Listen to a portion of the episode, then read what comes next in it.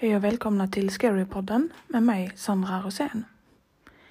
I veckans avsnitt så har jag varit på internet och grävt fram två stycken berättelser för er som jag hoppas att ni kommer gilla precis lika mycket som jag gör.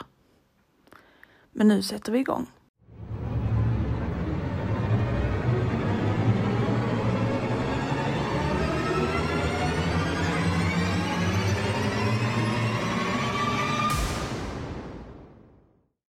Jag är inte säker på hur mycket tid jag har kvar. Ingen tror på min historia. Ingen av mina läkare. Min familj och mina vänner är stöttande, men de tror att jag har tappat förståndet. Om jag inte redan har tappat det så kommer jag förmodligen att göra det tillsammans med allt annat som, jag, som har tagits ifrån mig. Det hela började en sommarnatt när jag var 14. Min familj och jag hade precis kommit hem från bion. När jag klev ut ur bilen så var luften varm och stilla. Om det inte vore för verandaljuset så skulle det vara lika mörkt ute som det var uppe i det blå. Trots mörkret så var stämningen lugn och stilla. Glöm inte bort att du måste ta ut soporna, sa min bror. Åh, kom igen. Jag gör det imorgon istället, sa jag.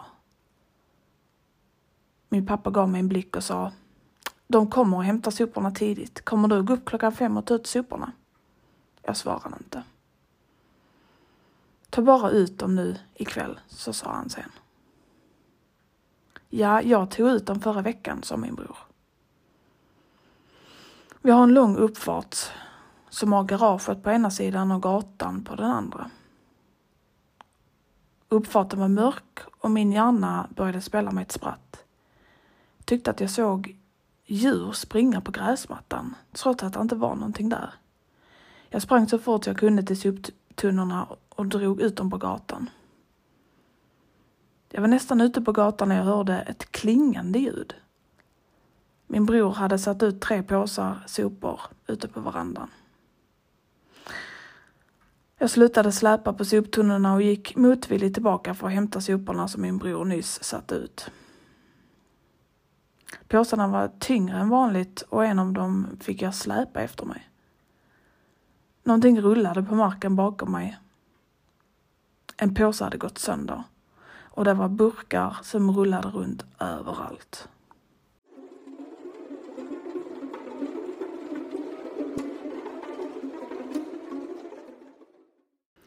Jag tog de två påsarna som fortfarande var hela och kastade dem i soptunnan. Jag muttrade lite för mig själv och gick tillbaka till de rullande burkarna. Vissa av dem var klibbiga och andra var blöta. Jag förbannade min bror när jag hukade mig ner för att samla ihop soporna. Buntade ihop det i den sönderrivna påsen och bar den som en insvept bebis. Vår lampa på verandan började flimra och jag lade märke till ett konstigt sken. När jag vände mig om så stod där något några meter framför mig. Det såg ut som en människa till formen.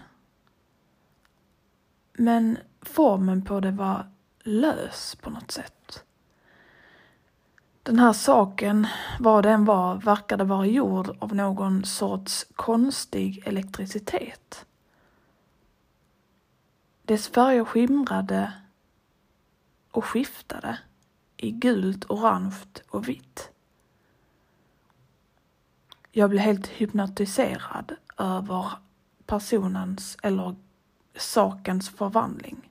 Jag stod bara där med munnen öppen och höll i de äckliga soporna. Mitt sinne var fyllt av skräck och förundran och jag verkade vara frusen i mitt ställe. Det var åtminstone vad jag trodde då.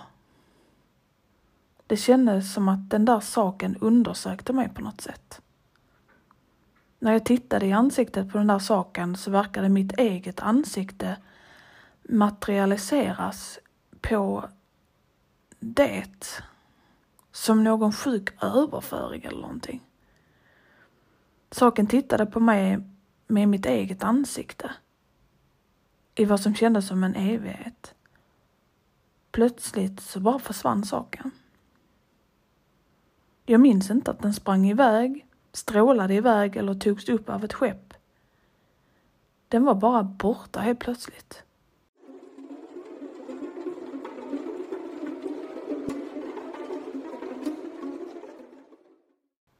För ett ögonblick så stod jag bara där. Jag kunde känna att min rörlighet hade kommit tillbaka, men jag var inte redo att använda den ännu. Det jag hade sett var helt otroligt. Är du fortfarande här ute? ropade min pappa. Ja, svarade jag med en försiktig röst. Sen tog jag bara soporna till soptunnorna och gick sedan in. Är du okej? Okay? frågade min pappa. Jag, jag mår bra, svarade jag med samma försiktiga röst som innan. Såg du någonting där ute eller? Jag bara skakade på huvudet, gick upp till mitt rum och gjorde mig redo för sängen. Efter att några veckor hade gått så var jag mer nyfiken än rädd. Jag började titta på och läsa om allt som hade med det paranormala att göra på internet. En dag frågade min bror och min bästa vän mig vad jag höll på med. Jag bestämde mig för att vara ärlig mot dem. Är du galen? frågade min bror mig. Går du på någonting eller? frågade min bästa vän. Hur mycket jag än försökte förklara för dem så trodde de inte på mig. En dag när jag höll på att läsa igenom en av mina böcker eh, som jag lånat från biblioteket så hittade jag vad jag letade efter. Jag blev helt iskall inombords och håret på mina armar stod rakt upp. Där var den. I en svart och vit bild. Det såg ut som den hade en manlig form. Ni vet Myrornas krig, kan man säga så? Den var gjord av det. Det kanske låter konstigt men det var så den såg ut och det var det jag såg på bilden. Enligt denna boken så var det en alien. Satte mig vid datorn för att söka efter bilder på just den saken, utomjordiska varelsen eller vad det nu än var för något. När jag hade sett en del så slutade jag omedelbart. För nu hade rädslan tagit över min nyfikenhet. Jag vågade inte fortsätta titta på bilderna eller fortsätta läsa i boken. Jag stängde bildsökningen och boken.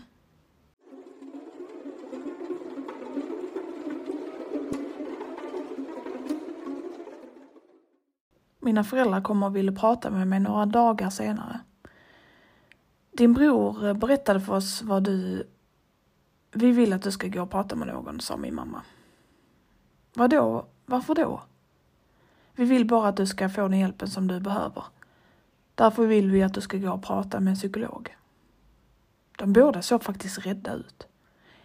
Jag är så tacksam och så glad för att jag har människor i mitt liv som bryr sig om mig. De ville verkligen hjälpa mig. Många människor har inte det där i sitt liv. Dock så tror jag inte att någon kunde hjälpa mig på det sättet som jag verkligen behövde. När jag gick till psykologen så pratade vi om vad som hände den kvällen och han frågade mig bland annat om vad jag trodde att det betydde. En kort stund efter att vi pratat om den där kvällen så började mina fingrar vrida sig på ett helt onaturligt sätt. Min röst gav ifrån sig ett konstigt ljud och sedan började jag hålla andan. Inte för att jag ville det utan för att något eller någon tvingade mig till det. Det var som om någon annan tog kontroll över min kropp eller något. Medan detta hände så flimrade lamporna, tv-apparaterna, radioapparaterna och datorer slogs på och av. Min psykolog bestämde sig för att ge mig ångestdämpande mediciner, antipsykotiska och muskelavslappnande. Det hjälpte faktiskt lite, för en kort stund i alla fall.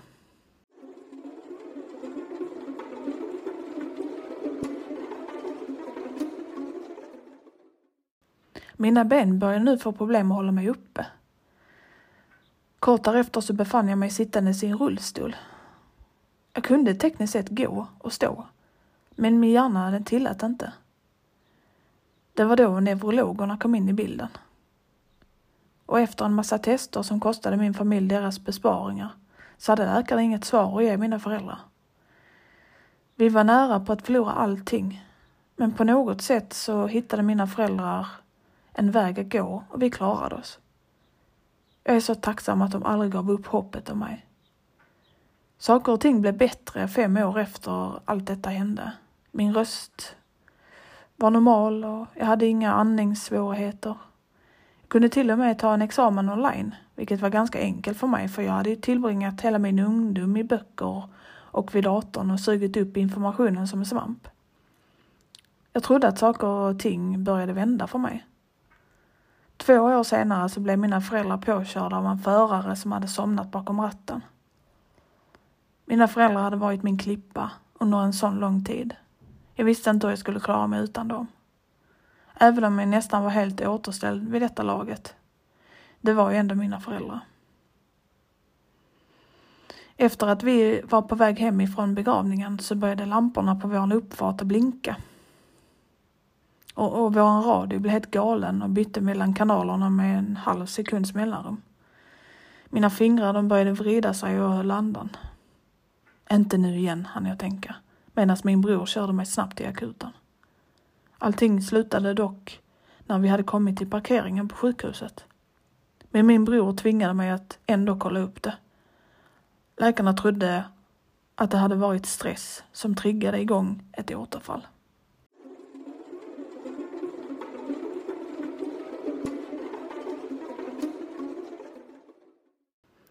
Fem år har gått sedan jag och min bror begravde våra föräldrar.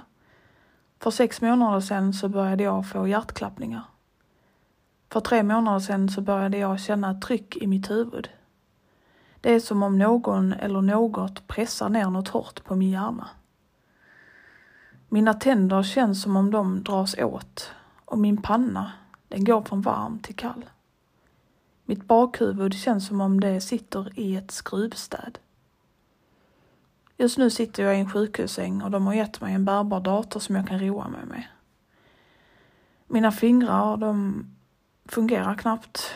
Min syn håller på att bli suddig och min röst är, den är helt borta.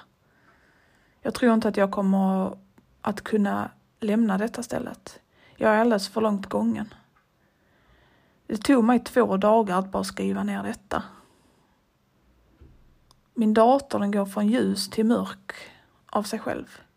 Radion byter kanal av sig själv, lamporna flimrar i mitt rum och i hallen utanför har det blivit helt mörkt. Maskinerna som övervakar mig, de slocknar. Men jag tror inte att personalen är medveten om det ens. Min hjärna är deg som blir knådad av hårda, osynliga händer. Mitt hjärta känns som om det kommer att hoppa ut ur mitt bröst. Jag känner att något rinner ut ur mitt öra. Jag kan bara anta att det är blod. Det är ett orange sken i korridoren. Jag vet inte vad som kommer hända med mig härnäst. Vad som än händer så hoppas jag att min bror kommer att klara sig.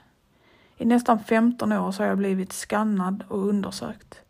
Tourettes och epilepsi har kastat runt mig. Psykologer och läkare är helt vilsna och de vet inte vad som orsakar mina plågor. Men jag vet. Det är den där saken på uppfarten.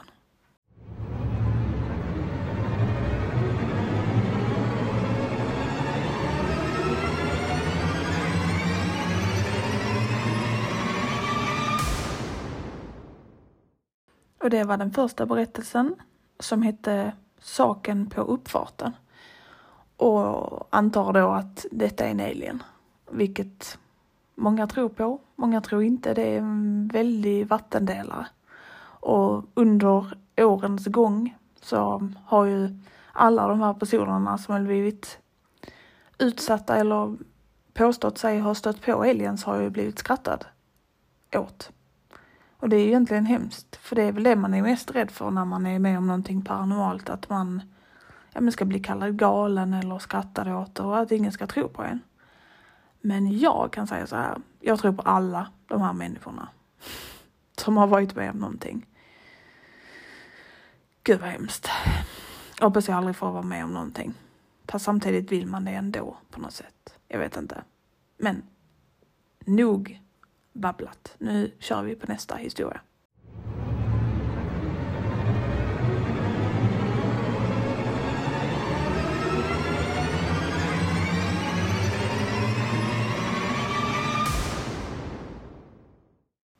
För ett par månader sedan så flyttade jag hemifrån.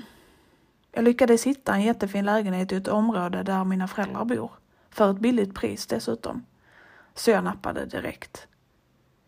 Grannarna de var tysta och snälla och området var hyfsat centralt så jag kunde lätt ta mig överallt till fots.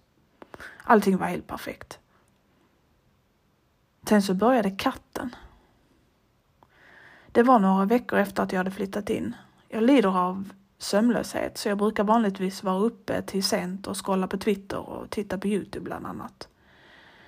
Det jag vill komma fram till var att jag var vaken sent, vilket inte var ovanligt, när jag plötsligt började höra jamande. Vilket är konstigt, för jag äger ingen katt.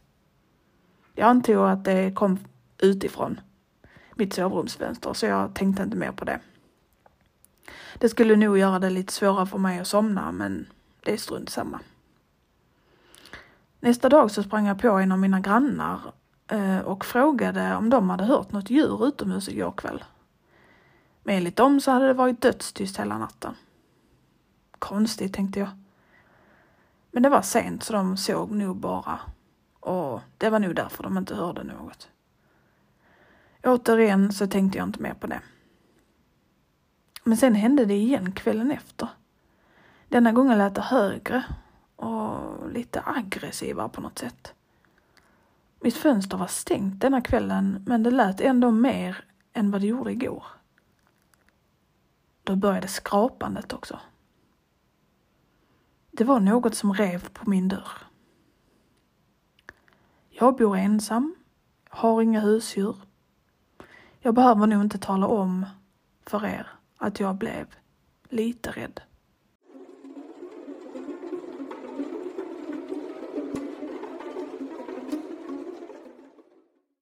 Jag sov inte alls den natten. Mitt hjärta satt i halsgropen. Jag visste inte varför. Jag menar, det är ju bara en katt, eller hur? Kanske hade jag råkat lämna min dörr öppen eller så hade den gjort ett hål i en av mina fönsterskärmar och på så sätt tagit sig in. Men nej, trots dessa tankar så lyckades jag ändå inte somna. Jag paniksvettades till morgonen. Jag har ingen aning om när det slutade. Jag tror att jag somnade, men jag är inte helt säker. Morgonen efter så tittade jag på min dörr och såg då att hela nederdelen var fylld med rivmärken. Och jag spenderade hela dagen med att leta igenom hela min lägenhet och hittade ingenting. Ingen katt, ingen hund, ingen tvättbjörn, inget djur alls. Min ytterdörr var låst och alla fönster var stängda. Nu var jag riktigt orolig och helt livrädd. Detta fortsatte i en vecka och jag vågade aldrig gå och kolla vad det var. Men jag hade en idé. Jag var riktigt trött på det som hände och om jag nu inte vågade öppna dörren och titta efter vad det var som var på andra sidan så kunde jag åtminstone få en glimt. Så jag tog silvertejp och tejpade fast min telefon på väggen utanför min sovrumsdörr. Ställde in den så att den skulle filma med framkameran. Jag lämnade min hallampa tänd för att om jag lyckades se någonting så var det enklare att visa djurkontrollmänniskorna, eller vad de nu hette.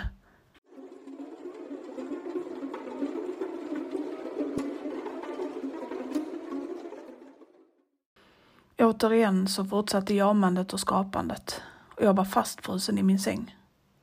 Om du någonsin haft sömnparalys eller nattskräck så vet du exakt hur jag kände mig. Jag ville hoppa ur sängen och springa fram till min dörr, slänga upp den och skrämma bort vad det än var som var på andra sidan. Men jag vågade inte. Och jag kunde inte heller. Jag skulle behöva byta ut min dörr innan jag flyttade, tänkte jag. Dessutom hade jag förlorat en veckas sömn och allt detta började bli väldigt jobbigt nu. Men jag kunde inte röra mig av fläcken ändå. Jag kunde inte skrika, kunde inte röra mina armar eller ben. Jag bara låg där och stirrade in i väggen och hoppades på att jag skulle somna. Men det gjorde jag inte. Jamandet och rivandet höll på i vad som kändes som en evighet. Men i själva verket så höll det kanske på i en timme eller två. Innan ett högt skrikande gråt lät på andra sidan dörren. Och dörren började nu skramla väldigt högt. Det lät som om någon slog på den och försökte ta sig in. Detta gjorde så att jag vaknade upp ur min paralys, sprang till dörren och höll emot med hela min kropp. Bara det en var som var på andra sidan dörren var jag inte alls intresserad av att se längre. Jag satt där hela natten.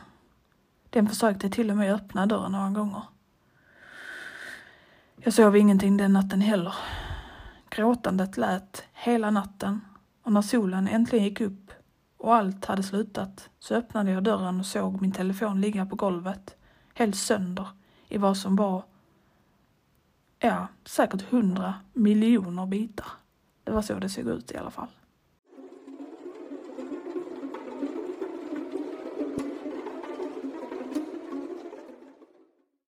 Jag tror att den visste att jag spelade in den och flippade ut fullständigt. En normal person hade nog flyttat ut. De hade säkert sprungit ut ur lägenheten skrikandes. Men jag är inte den människan. Detta är min första lägenhet och min pappa hade bara sagt att jag hade kommit på någonting bara för att jag längtade hem igen. Så nej, jag tänkte inte flytta. Istället så köpte jag sex lås och lånade en stor gammal trädörr av mina föräldrar. Som svar på varför jag ville ha den så sa jag att jag gillade hur den såg ut och ville byta ut den som jag hade hemma i mitt sovrum. Detta var för några veckor sedan vid detta laget. Det sker varje natt fortfarande, dock inte lika aggressivt som när jag försökte spela in den, men heller inte lika lugnt som det var i början. Om det är ganska lugnt så kan jag till och med sova igenom allt. Jag är så glad att jag köpte låsen. För den försöker fortfarande ta sig in bara varannan natt. När det gäller telefonen så lyckades jag återställa lite saker, men inte mycket alls.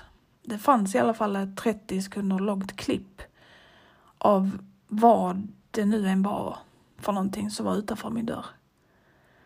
Det jag lyckades se var i alla fall att det inte var en människa och definitivt inte ett djur. Ah, jag vet att jag borde ringa någon, en exorcist, en polis eller flytta ut. Men jag vill inte.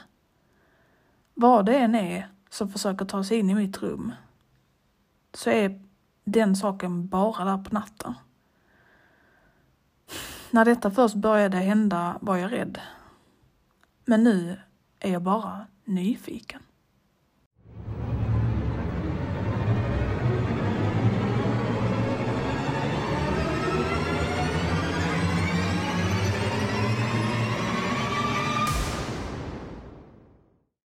Och detta var den andra och sista berättelsen för denna veckan och eh, nu måste jag faktiskt erkänna att detta är första gången som jag faktiskt inte förstår hur man inte kan vilja springa ut ur lägenheten och flytta därifrån. Men ja, alla är vi olika antar jag. Läskigt som fan. Denna hette i alla fall Jag vågar inte lämna mitt rum på natten. Och detta är också sista avsnittet på den första säsongen. Men Eh, ni som lyssnar, ni drabbas inte av det här, utan detta gör jag bara för mig själv. Att jag vill ha tio avsnitt på en säsong. Och nästa söndag kommer jag släppa ett nytt avsnitt, men det kommer liksom vara på säsong två. Och det gör jag för min skull, för att jag vill vara organiserad. Så det drabbar inte er, kommer ändå släppa varje söndag. Lite ändringar kommer att komma upp också, Det kommer ni kunna se. Men eh, hoppas att ni gillade det ni hörde denna veckan så ses vi nästa. Tack för att just du lyssnade.